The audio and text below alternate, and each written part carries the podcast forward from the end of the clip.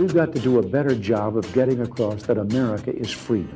Freedom is special and rare. It's the idea held by generations of citizens who believe that America is a constant work in progress. We choose to go to the moon in this decade and do the other thing, not because they are easy, but because they are hard. And it's the people who are making America great again. We may be opponents, but we're not enemies. We're Americans. 100 dagen Joe Biden als Amerikaanse president. Op 30 april is het zover. Hoe is de start van zijn presidentschap verlopen en wat kan dat zeggen over de rest van zijn tijd in het Witte Huis? Dit is de Holland-Amerika-lijn. Mijn naam is Victor Pak en in Washington DC zit Emiel Kossen. Goedemiddag. Dag Victor, dag Victor, hoe is het? Ja, uh, heel goed uh, hier. Het, uh, het lenteweer is begonnen en dat komt natuurlijk helemaal overeen. Want ja, eind april is het zover. Dan uh, zit Joe Biden 100 dagen in het uh, Witte Huis. Hij begon uh, in, in de kou, geloof ik, in Washington tijdens de inauguratie. De vrieskou van Washington, met, met toen nog de militairen in de stad. Ja, zijn die nu helemaal vertrokken? Nou, er zijn er nog een, een, paar duizend, maar je ziet ze niet zo meer. in de eerste, in de eerste weken na de inauguratie zaten ze nog een beetje in de trein en, en stonden ze in de rij bij de supermarkt. Maar toen waren het nog tienduizenden. Dus het wordt wel steeds minder. En je kan ook in de buurt komen van het kapitool nu als, als toerist. Dat kon ook een hele tijd niet. Maar ja, we gaan dus wel terug naar een, een, een soort normale situatie.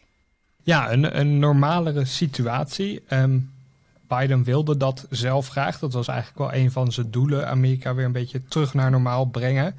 En die, die doelen die legde hij voor zichzelf ook al in die eerste honderd dagen van zijn presidentschap. Hij wilde een aantal zaken bereiken. Maar eerst die, 100 dagen, waarom is dat eigenlijk belangrijk? Ja, het is eigenlijk een beetje een, een willekeurig uh, meetpunt. Het komt um, door Franklin Delano Roosevelt in uh, 1933. Um, kwam hij aan de macht en hij wilde echt een, een trendbreuk uh, laten zien aan het Amerikaanse volk. zijn voorganger was Herbert Hoover. Die deed eigenlijk niet zo heel veel met de overheid. Die wilde een kleine overheid. Franklin Delano Roosevelt, FDR, had heel andere ideeën. En die bedacht eigenlijk een soort PR-tactiek. PR Na 100 dagen zou hij vertellen aan de Amerikanen wat hij allemaal wel niet voor elkaar had gekregen. En dat was destijds ook best wel wat. Um, een van de dingen die hij deed destijds was um, prohibition opheffen. Uh, dus mensen mochten weer alcohol drinken. Um, en dat was voor, voor FDR een, een hele slimme tactiek dus. Om te laten zien dat hij heel veel, uh, heel veel kon doen.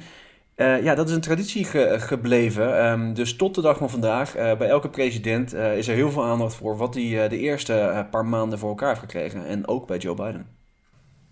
Ja, wij, wij gaan daarin mee. Maar dat doen we ook een beetje omdat Biden zelf die, die 100 dagen ook heel serieus heeft genomen, zeg maar. Net als FDR heeft hij echt doelen gelegd om te bereiken in 100 dagen.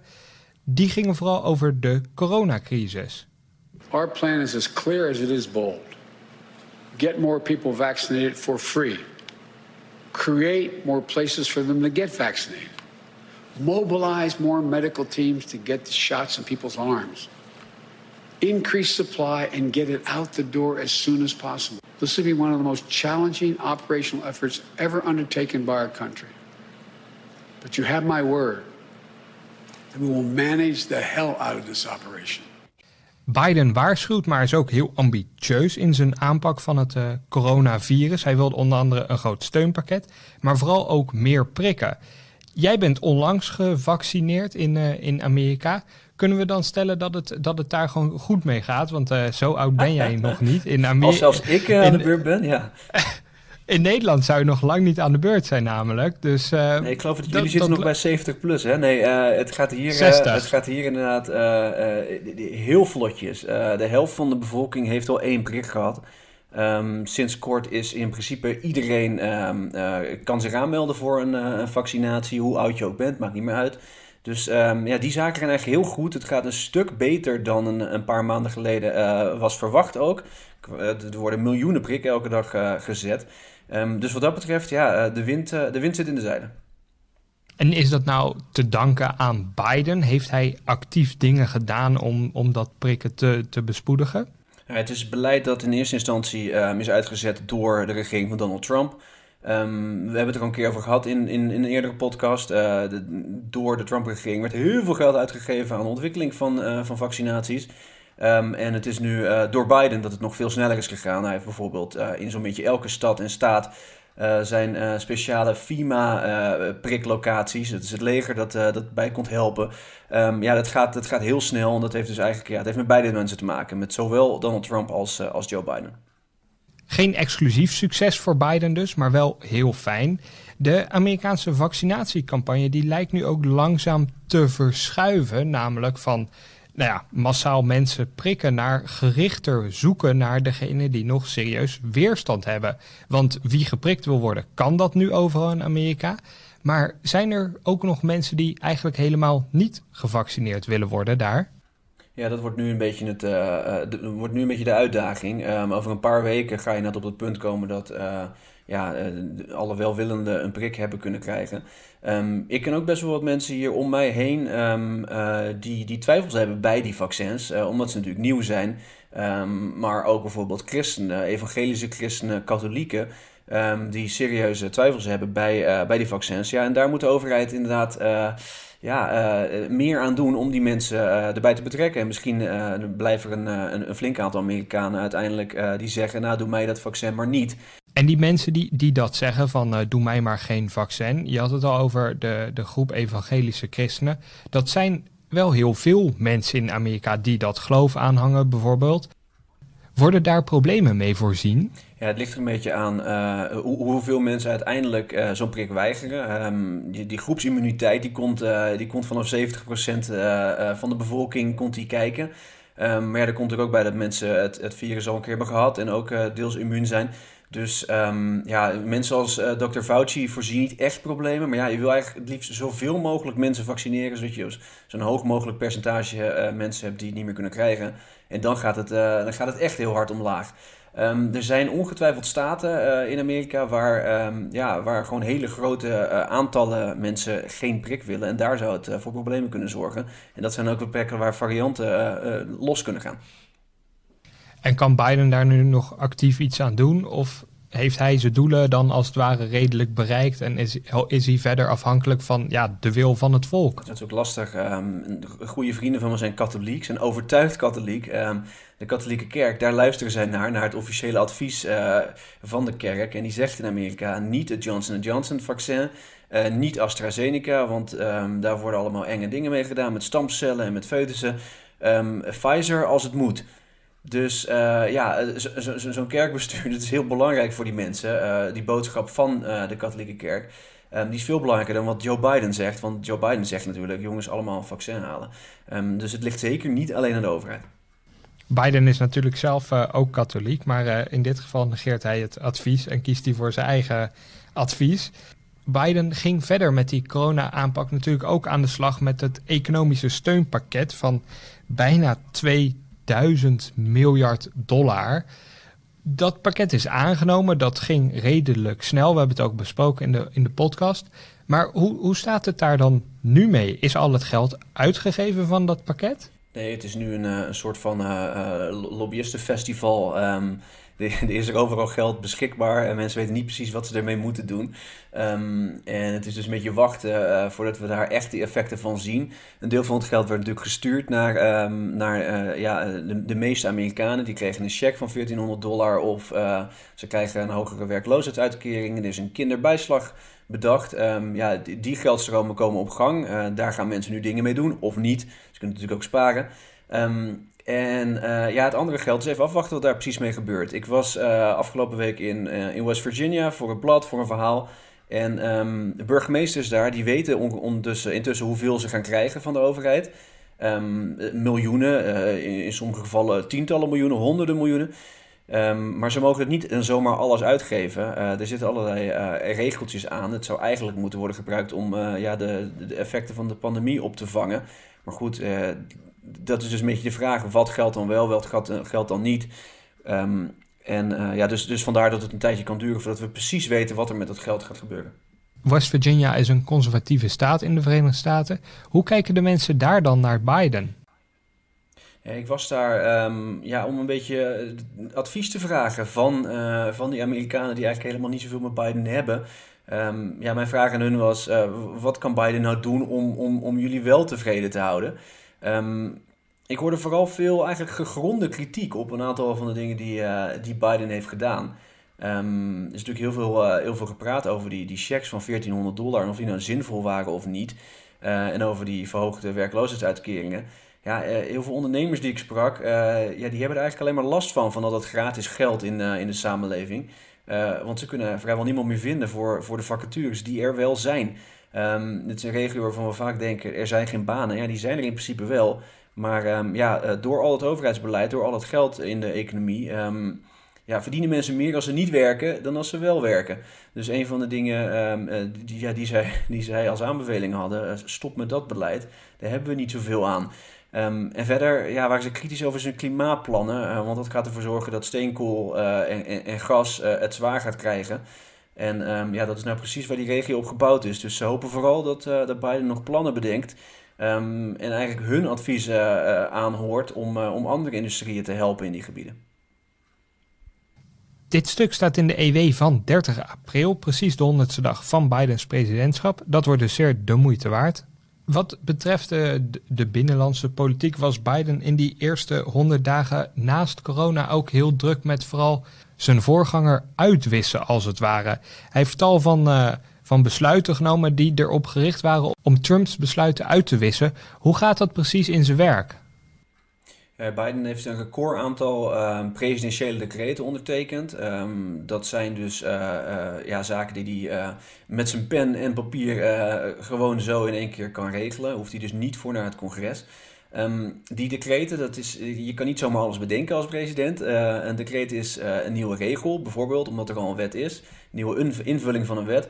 Of het is een decreet terugdraaien van, um, ja, van je voorganger. En dat is waar Joe Biden een hoop van zijn tijd uh, aan heeft besteed. Um, dan kan je denken aan de, de, terugtreding in het Klimaatakkoord van Parijs, de Wereldgezondheidsorganisatie, uh, een transgenderban in het leger. Uh, die had Trump ingesteld. Uh, daar heeft hij een streep door gezet. er was een moslimban, althans een ban op, op immigranten uit een, uit een reeks islamitische landen. allemaal voorbeelden van Trumps beleid, waar Joe Biden in zijn eerste weken en maanden ja, een streep door heeft gezet. En waarom doet Biden dat dan? Nou, het zijn makkelijke stappen die hij kan, kan nemen om te laten zien aan het volk dat hij ja, toch echt heel veel aan het doen is. Um, ja, de meeste mensen die zien het verschil niet zo tussen een wet en een, en een presidentieel decreet. Uh, en voor Joe Biden is het grote voordeel dat um, ja, hij het imago van slome oude man uh, van zich af kan werpen. Want ja, bijna 40 decreten, dat ziet er toch uit alsof hij heel erg slagvaardig bezig is. En um, ja, dat kan Sleepy Joe, zoals zijn critici hem graag noemen, dat kan hem natuurlijk helpen om, om een nieuw imago aan te nemen. Een drukke, maar ook een beetje een saaie president. Dat is het imago wat, uh, wat Biden hoopt te bereiken. Wat je daarbij alleen niet kan gebruiken zijn crisis of schandalen. Nou schandalen zijn er niet heel veel geweest nog in zijn presidentschap. Maar wel een crisis en die, die woekert voor mijn gevoel nog steeds voort. En dat is de, de immigratie-vluchtelingencrisis aan de grens met Mexico. Daar hebben we eerder over gesproken, maar hoe staat het daar inmiddels nu mee? Is het nog steeds zo druk in die opvangcentra? Ja, is eigenlijk niet zo heel veel veranderd, behalve dat er minder aandacht voor is. Uh, er zijn nog steeds tienduizenden uh, kindmigranten die uh, ja, in detentiecentra vastzitten aan die zuidgrens. Um, even kort samengevat, dat komt omdat Biden heeft gezegd: wij gaan niet langer um, kindmigranten zomaar tegenhouden aan, aan de Mexicaanse grens, die laten we binnen. Um, dat is een, uh, een, verandering ten opzichte van het beleid van Trump. Uh, toen moesten al die mensen wachten aan uh, de Mexicaanse kant van de grens. Biden heeft dat veranderd. Um, dat zorgt dus voor grote problemen. Ze proberen wel dingen te doen, maar dat kan natuurlijk niet zomaar van de ene op de andere week. Er worden veel meer centra geopend. mensen worden door het hele land gevlogen om, ja, om, om betere opvang te regelen. daarmee hoopt Biden um, ja, dat die problemen uiteindelijk minder zullen worden. En wat hij eigenlijk vooral doet, is um, ja, het, het, het, probleem, de crisis, een beetje negeren. In elk geval um, uh, tegenover de media. Uh, in de hoop dat het daardoor uh, wat minder een, een topic wordt. En dat is eigenlijk best wel een slim, slim idee. Want je ziet dat Amerikaanse media steeds minder aandacht geven aan een probleem. Dat eigenlijk, ja, eigenlijk maar, alleen maar groeit in omvang. Maar het lost het niet echt op, toch? Nee, de langetermijn oplossingen zijn, uh, zijn, zijn een stuk lastiger. Um, er worden wel uh, uh, stappen gezet. Bijvoorbeeld onderhandelingen met de landen waar veel van de immigranten vandaan komen. in Centraal-Amerika. Um, om, om, om deeltjes te sluiten met die landen, zodat zij meer doen om hun eigen mensen in hun land te houden. Um, dan moet je denken dat Amerika uh, geldsteun gaat sturen. Maar ja, dat soort dingen gebeuren natuurlijk niet, ja, niet van de een op de andere dag. Dus um, ja, tot dusver is de strategie van de regering. Um, af en toe uh, laten we wat weten, maar eigenlijk niet te veel. Laten we vooral praten over saaie ambtelijke onderwerpen zoals infrastructuur en, ja, en, en, en, en uitkeringen eigenlijk. En dan hoopt hij vooral dat de crisis niet verder uit de klauwen loopt. Precies, precies. En dat is een, uh, een, een, een, tactiek die hij um, die die op allerlei manieren toepast. Um, want we noemen hem een saaie president, een ambtelijke president. En dat komt omdat hij zich niet elke keer mengt in de discussies van de dag. Want we hebben wel de afgelopen maanden een hele hoop discussies gezien waar um, iemand als president Trump uh, op was ingesprongen. denk maar aan, het, uh, aan alle discussies over de wet in, in, in Georgia om, om de verkiezingen aan te passen daar. De verkiezingsregels. Joe Biden heeft daar wel wat over gezegd, maar uiteindelijk zijn het vooral de mensen die voor zijn, de mensen die tegen zijn in die staat, die daar heel hard over schreeuwen. En um, ja, het Witte Huis dat zich uh, vrij stilletjes houdt. Een Witte Huis dat dus vooral zijn eigen doelen uitkiest en, en daar ook de aandacht op richt. We hebben vooral nog over binnenlandse onderwerpen gesproken, maar één groot besluit dat Biden op buitenlands gebied heeft genomen is de aangekondigde troepenterugtrekking uit Afghanistan. Na 20 jaar oorlog voeren stopt Amerika ermee. Alle troepen worden teruggehaald. Eh, ja, het hoort bij de eerste 100 dagen omdat de aankondiging nu is. De volledige terugtrekking die, die is er pas in september. Hoe belangrijk is het besluit en de aankondiging? Ja, het is een besluit dat we. Um, het is eigenlijk een vertraging van een besluit van Donald Trump. Die had een, uh, een, een datum gezet in mei. Dus eigenlijk zouden de, uh, de troepen al in mei terug moeten. Um, maar goed, Trump gaf het stokje over aan Biden. En dus was het aan Biden om te beslissen wat precies die datum zou worden. Um, ja, de kans dat de Amerikanen daar veel langer zouden blijven, die was niet zo heel groot meer. Uh, daardoor is het besluit misschien iets minder um, verrassend. Maar goed, het is natuurlijk wel een, een, een, een belangrijk besluit dat een van Amerika's langslopende oorlogen, de Forever War wordt hier genoemd, dat die dan toch eindelijk ten einde komt. Um, het grote publiek is het daar zeer mee eens. Bijna geen Amerikaan wil daarmee blijven. Um, in de politiek ligt dat wel heel anders. Um, dat heeft te maken met het, uh, het militair-industrieel complex dat je af en toe uh, de kop ziet opsteken. Er zijn gewoon heel veel aanhangers in het congres ja, van oorlogen. En dat zie je ook in de reacties op Bidens besluit. Want daar was toch best wel veel kritiek op van ja, senatoren en congresleden. En bedoel je dan dat, dat die congresleden gewoon fan zijn van oorlog voeren van het Amerikaanse leger? Ja, dat complex, uh, Dwight Eisenhower kwam daar ooit mee uh, met die term, het militair-industrieel complex. Um, ja, dat is een beetje de politiek en uh, de legerindustrie um, de wapenfabrikanten, et cetera, dat die hand in hand uh, uh, door Washington lopen. Um, daar gaat een hele hoop geld in rond. Uh, dat geld van die militaire industrie gaat ook naar, naar congresleden.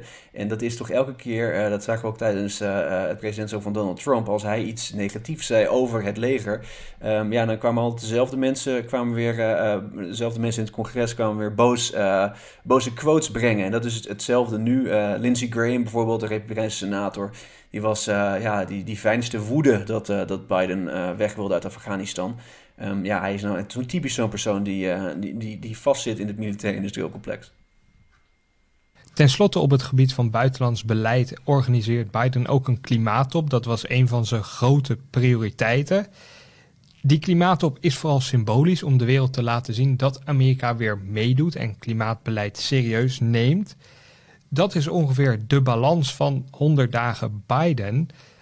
Als we dan kijken naar de cijfers, hoe populair is al dat beleid bij de Amerikanen en hoe vinden ze eigenlijk dat hij het tot nu toe doet? Ja, Biden zit een beetje in het, uh, in, in, het midden. Als je een rijtje zou maken van presidenten uh, en hun rapportcijfer.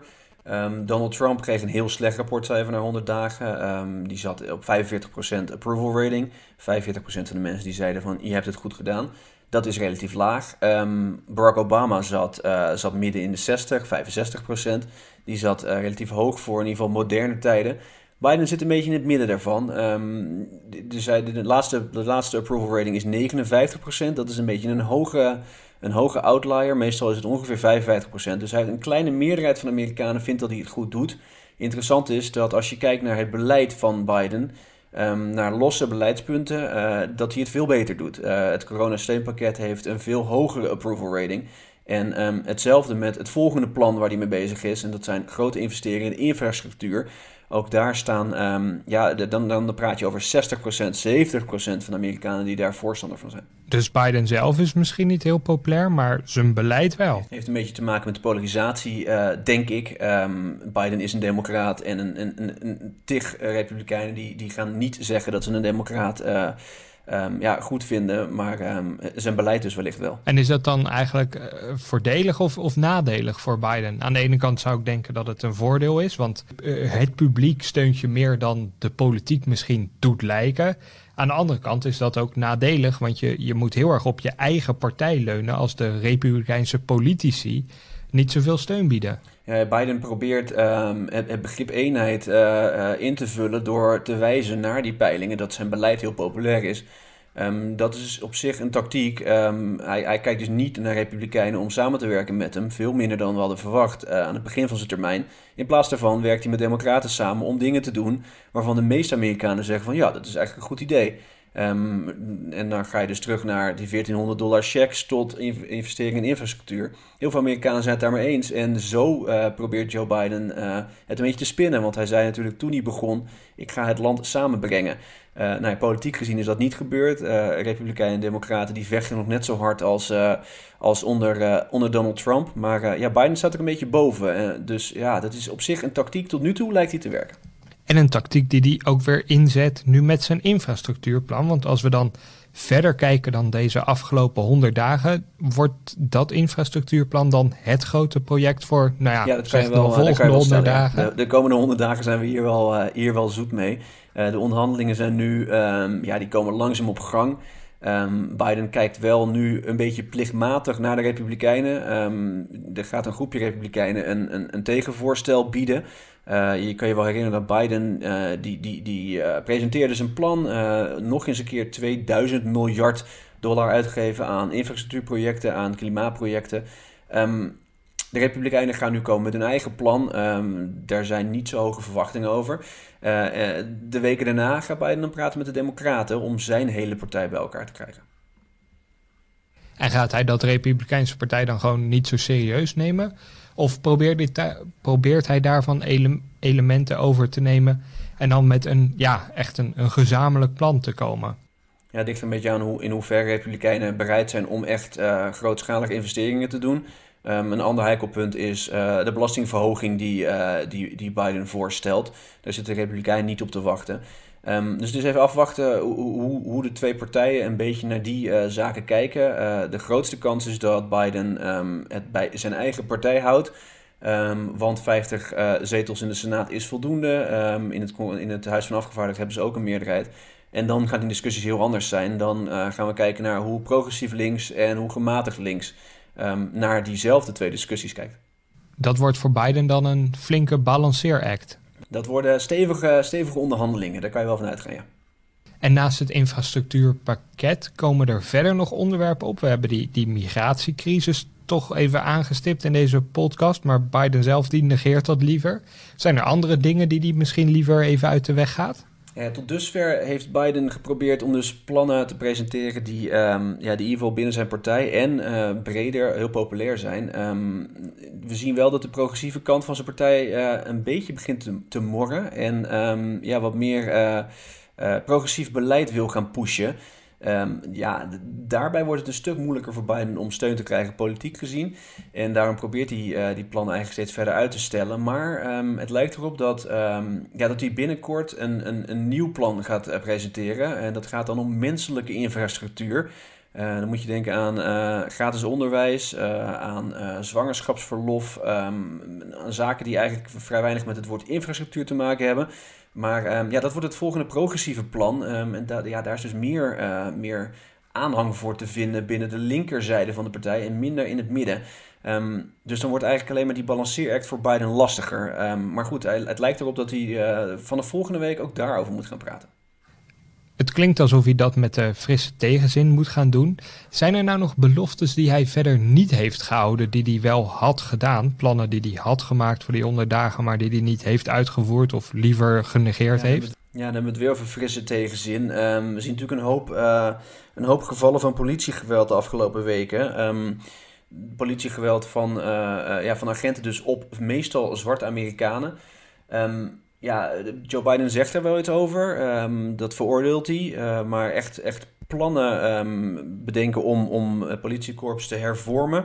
Um, daar is hij nog niet echt toegekomen. Dat was wel een van zijn beloftes om in zijn eerste 100 dagen een commissie uh, op te richten die uh, ja, dus het politiekorps echt gaat onderzoeken. Dat is niet gebeurd. En dat valt ook te wijten aan het feit dat het zo'n ja, gevoelige discussie is. En dat is nou juist zo'n onderwerp waar heel veel Amerikanen eigenlijk niet zo heel veel verandering willen. Heel veel mensen zijn helemaal niet aan het wachten op, zitten helemaal niet te wachten op defund the police het wegbezuinigen van, uh, van agenten. Um, en misschien weet Biden dat wel uh, en probeert hij het onderwerp een beetje, um, ja, een beetje weg te denken. Biden mag dat dan liever uit de weg gaan. Het klinkt helemaal als een onderwerpje dat wij in een van de volgende podcasts eens kunnen behandelen. Hoe het daar nu mee staat. Een jaar na de grote Black Lives Matter betogingen in de Verenigde Staten wordt de police nou wel of niet gedefund? Dat ga ik een van de volgende keren met Emiel bespreken. Dank voor nu, Emiel. Nu is het tijd voor de presidenten van Petersen. Hi, Barack Hussein Obama. Hi, George Herbert Walker Bush. William Jefferson Clinton, do solemnly swear. De presidenten van Petersen. So help me God. Nu is het tijd voor de presidenten van Petersen met Amerikanist Koen Petersen. Dit keer gaan we het hebben over Martin van Buren. Hij werd geboren als Maarten van Buren en sprak thuis Nederlands. Wat was zijn band met Nederland? Martin van Buren was de achtste president van de Verenigde Staten en hij had een belangrijke overeenkomst met Barack Obama. Zij zijn de enige twee Amerikaanse presidenten met een niet-Anglo-Saxische achtergrond. Barack Obama had een vader die afkomstig was uit Kenia en de voorouders van Martin van Buren waren afkomstig uit Nederland. Zijn bedovergrootvader Cornelis van Buren emigreerde in 1631 vanuit Nederland naar de Britse koloniën die later de Verenigde Staten zouden vormen. Van Buren zelf werd geboren op een typisch Nederlandse datum, namelijk op 5 december in 1782 in het plaatsje Kinderhoek. Dat ligt zo'n 200 kilometer ten noorden van Manhattan en was ook destijds al een typisch Nederlandse gemeenschap. In tegenstelling tot uh, Obama was Engels niet de moedertaal van Martin van Buren. Dat was Nederlands. Hij sprak Engels op kantoor, in het Witte Huis en de politieke omgevingen waarin hij actief was. Maar aan tafel bij de familie van Buren thuis werd gewoon Nederlands gesproken. En dat deed hij met zijn echtgenote Hanna Hoes, die ook afkomstig was uit die gemeenschap in Kinderhoek. Tegelijkertijd was Van Buren ook weer Amerikaanser dan zijn zeven voorgangers, want hij was de eerste Amerikaanse president die werd geboren toen Amerika die zwaar bevochten onafhankelijkheid in de pocket had. Van Buren was advocaat, maar hij was gefascineerd door de politiek en hij maakte daar ook een gestage carrière in door. Hij was senator voor New York in de Senaat in Washington. Hij was gouverneur van de staat New York, minister van Buitenlandse Zaken, ambassadeur aan het Hof van St. James in Londen en uiteindelijk vicepresident onder president Andrew Jackson. Martin van Buren kreeg van zijn tijdgenoten verschillende bijnamen, waaronder de Flying Dutchman, verwijzend naar zijn Nederlandse achtergrond. Maar helaas voor Van Buren werd hij ook Martin van Ruin genoemd, Martin van de puinhopen, omdat hij te maken had met een economische crisis die zijn negatieve weerslag had op de Amerikaanse samenleving en die hij niet op een goede manier wist te besweren. En daarom liep het ook met hem als president niet goed af, want uiteindelijk werd hij na vier jaar helaas voor hem niet herkozen. Van Buren ondernam nog verschillende pogingen om terug te keren in het Witte Huis, maar dat liep voor hem helaas op niets uit. En daarna trok hij zich terug in zijn huis Lindenwald in Kinderhoek. Daar overleed hij en op de lokale begraafplaats ligt hij ook begraven. Sprak Van Buren ook Nederlands in het Witte Huis en hoe verliep zijn periode in het Witte Huis? Van Buren was een uh, politicus die een aantal keren in gekozen functies terecht kwam. Hij was senator voor de staat New York en gouverneur van de staat uh, New York. Maar uiteindelijk speelde hij ook rollen in functies waarin hij werd benoemd. En dat waren de rollen als minister van Buitenlandse Zaken. En eigenlijk ook de rol van vicepresident, waarbij hij formeel gekozen werd. Maar uiteindelijk natuurlijk op de slippen van de uiteindelijke president Andrew Jackson. Van Buren had vooral de reputatie dat hij achter de schermen heel effectief was door compromissen te smeden en meerderheden te creëren, waar zijn politieke baas Andrew Jackson ook mee uit de voeten kon. En door het werk op de achtergrond stond hij ook aan de basis van de huidige Democratische Partij. Die richtte hij eigenlijk samen op met Andrew Jackson, de president uit die, uh, uit die tijd, die ook een duidelijke anti-establishment figuur was en eigenlijk met de eerdere bestaande partijen niet zo heel erg goed uit de voeten kon. Nou, uit waardering voor het werk dat uh, Van Buren had gedaan en de centrale rol die hij in die Democratische Partij speelde, wist hij ook de nominatie voor het presidentschap in de wacht te slepen in 1836. En daarmee werd hij ook gekozen tot het uh, hoogste ambt. En kon hij uit de coulissen op het hoofdpodium zelf zijn presidentschap gaan invullen. Wat hem eigenlijk al vanaf het begin af aan parten speelde was de paniek van 1837. Dat was de naam van een economische crisis die uiteindelijk vijf jaar zou duren. Zijn weerslag had op de Amerikaanse bevolking en samenleving en zijn populariteit uiteraard niet ten goede kwam. En het zette de bel in zijn hoop op een tweede termijn. Maar er speelde ook nog iets anders in zijn presidentschap. Zijn voorganger Andrew Jackson was namelijk begonnen met de gedwongen verhuizing van de Indianen, de inheemse bevolking van de Verenigde Staten, die omdat de immigrantenpopulatie zich uitbreidde, eigenlijk in de weg liepen en moesten worden verplaatst. En dat moest dan in westelijke richting, waar veel minder mensen woonden en waar het gebied nog minder was ontwikkeld.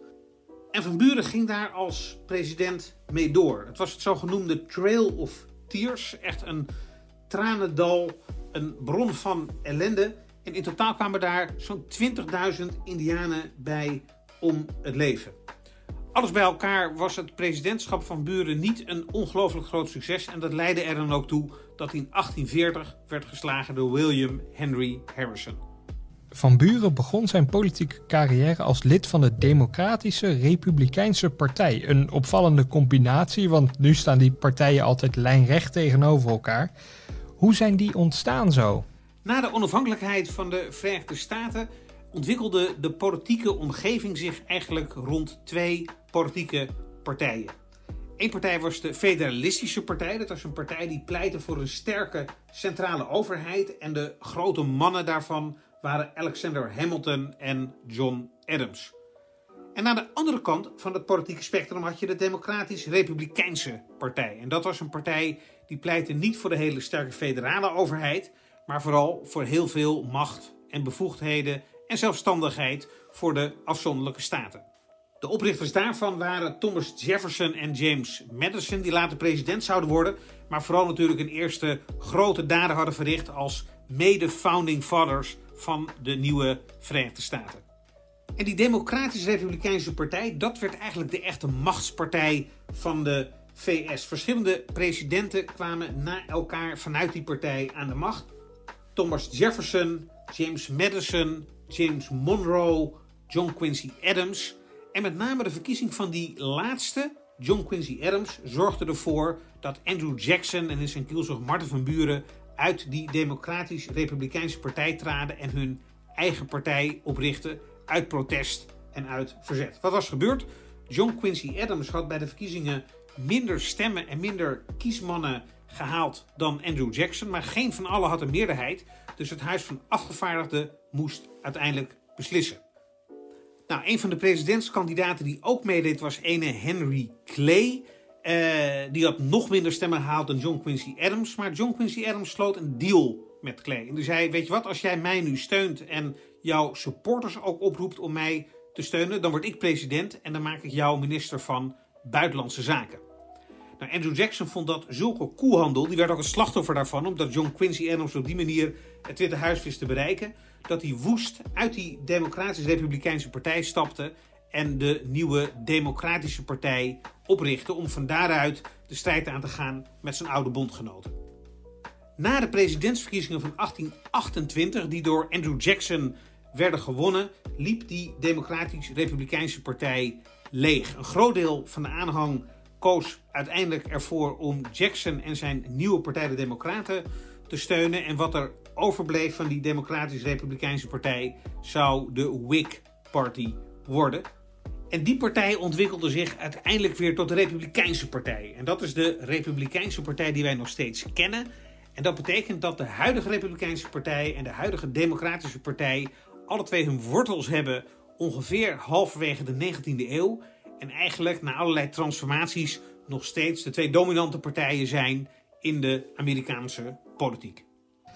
Na zijn presidentschap zette Van Buren zich in voor de afschaffing van de slavernij op dat presidentschap en op Van Buren. Met Joe Biden hebben de Amerikanen nu de 46ste president in het, uh, in het Witte Huis. Uh, Martin van Buren was, uh, zoals gezegd, de achtste president. En eigenlijk is hij een van die presidenten waar nauwelijks nog aandacht aan wordt besteed. En waar mensen ook niet een heel concreet beeld of concrete herinnering aan hebben. Nou is het wel zo dat in Amerika regelmatig van die ranglijstjes worden gemaakt door historici of journalisten of andere mensen die een bepaalde passie hebben voor dit uh, thema. En die plaatsen Van Buren een beetje in de middenmoot. Hij eindigt zo rond de 25ste positie. En dat is eigenlijk uh, bovenaan in het rechte rijtje, om in voetbaltermen te blijven. En dat is voor een one-termer, een president die na één termijn niet werd herkozen, nog een hele behoorlijke positie. De Democratische Partij, die door Van Buren werd opgericht, wordt natuurlijk enorm geassocieerd met de slavernij, de burgeroorlog was in feite een strijd tussen het noorden en het zuiden van de Verenigde Staten. En de Democratische Partij domineerde in het zuiden en was ook enorm voorstander van het handhaven van de slavernij, omdat dat voor die landbouwstaten in het zuiden economisch gezien heel erg goed zou uitkomen. En na zijn presidentschap, maar voor de burgeroorlog, steunde Van Buren ook presidentskandidaten zoals Franklin Pierce en James Buchanan, die later ook daadwerkelijk president uh, werden die de spanning tussen Noord en Zuid niet wisten te bekoelen en eigenlijk een te tolerant oog hadden voor de slavernij in de zuidelijke staten. De laatste presidentsverkiezingen waar Van Buren zijn stem kon uitbrengen waren die van 1860 aan de vooravond van de Amerikaanse burgeroorlog. En Abraham Lincoln was een van de kandidaten, namelijk de kandidaat van de Republikeinse Partij. En die zou uiteindelijk die burgeroorlog ook winnen, tot een goed einde brengen. En daarmee ook nog eens de slavernij afschaffen. Maar uh, Van Buren stemde op de kandidaat van de Democraten. Uh, de partij die voor handhaving van de slavernij was. En uiteindelijk ook de drijvende politieke kracht achter de afsplitsing van de staten. die uiteindelijk tot die burgeroorlog zouden leiden. En dat heeft Van Buren toch uiteindelijk in de ogen van veel mensen aan de verkeerde kant van de geschiedenis geplaatst. In 1862, tijdens de Amerikaanse burgeroorlog, blies de oud-president zijn laatste adem uit. Van Buren overleed in huis Liendenwald in Kinderhoek. En daarmee kwam het einde aan een toch wel veelbewogen leven. Dat zich vier jaar lang afspeelde in het Witte Huis. Voor Nederlanders uh, bijzonder omdat hij primair Nederlands sprak en Engels als bijtaal had. Maar voor Amerikanen uiteindelijk een president die niet heel erg opvallend was. En daardoor ook in het collectieve geheugen van de Amerikanen helaas niet een enorm prominente rol meer speelt. Bedankt weer, Koen. Wilt u nou meer horen van Koen Petersen? Neem ook eens een kijkje in de webshop van EW en zoek daar een van zijn fantastisch geschreven boeken op. Voor nu was dit de Holland-Amerika-lijn van EW. Hartelijk dank voor het luisteren en vergeet u niet te abonneren op ons kanaal om ook de volgende aflevering vanzelf te ontvangen. Graag tot dan.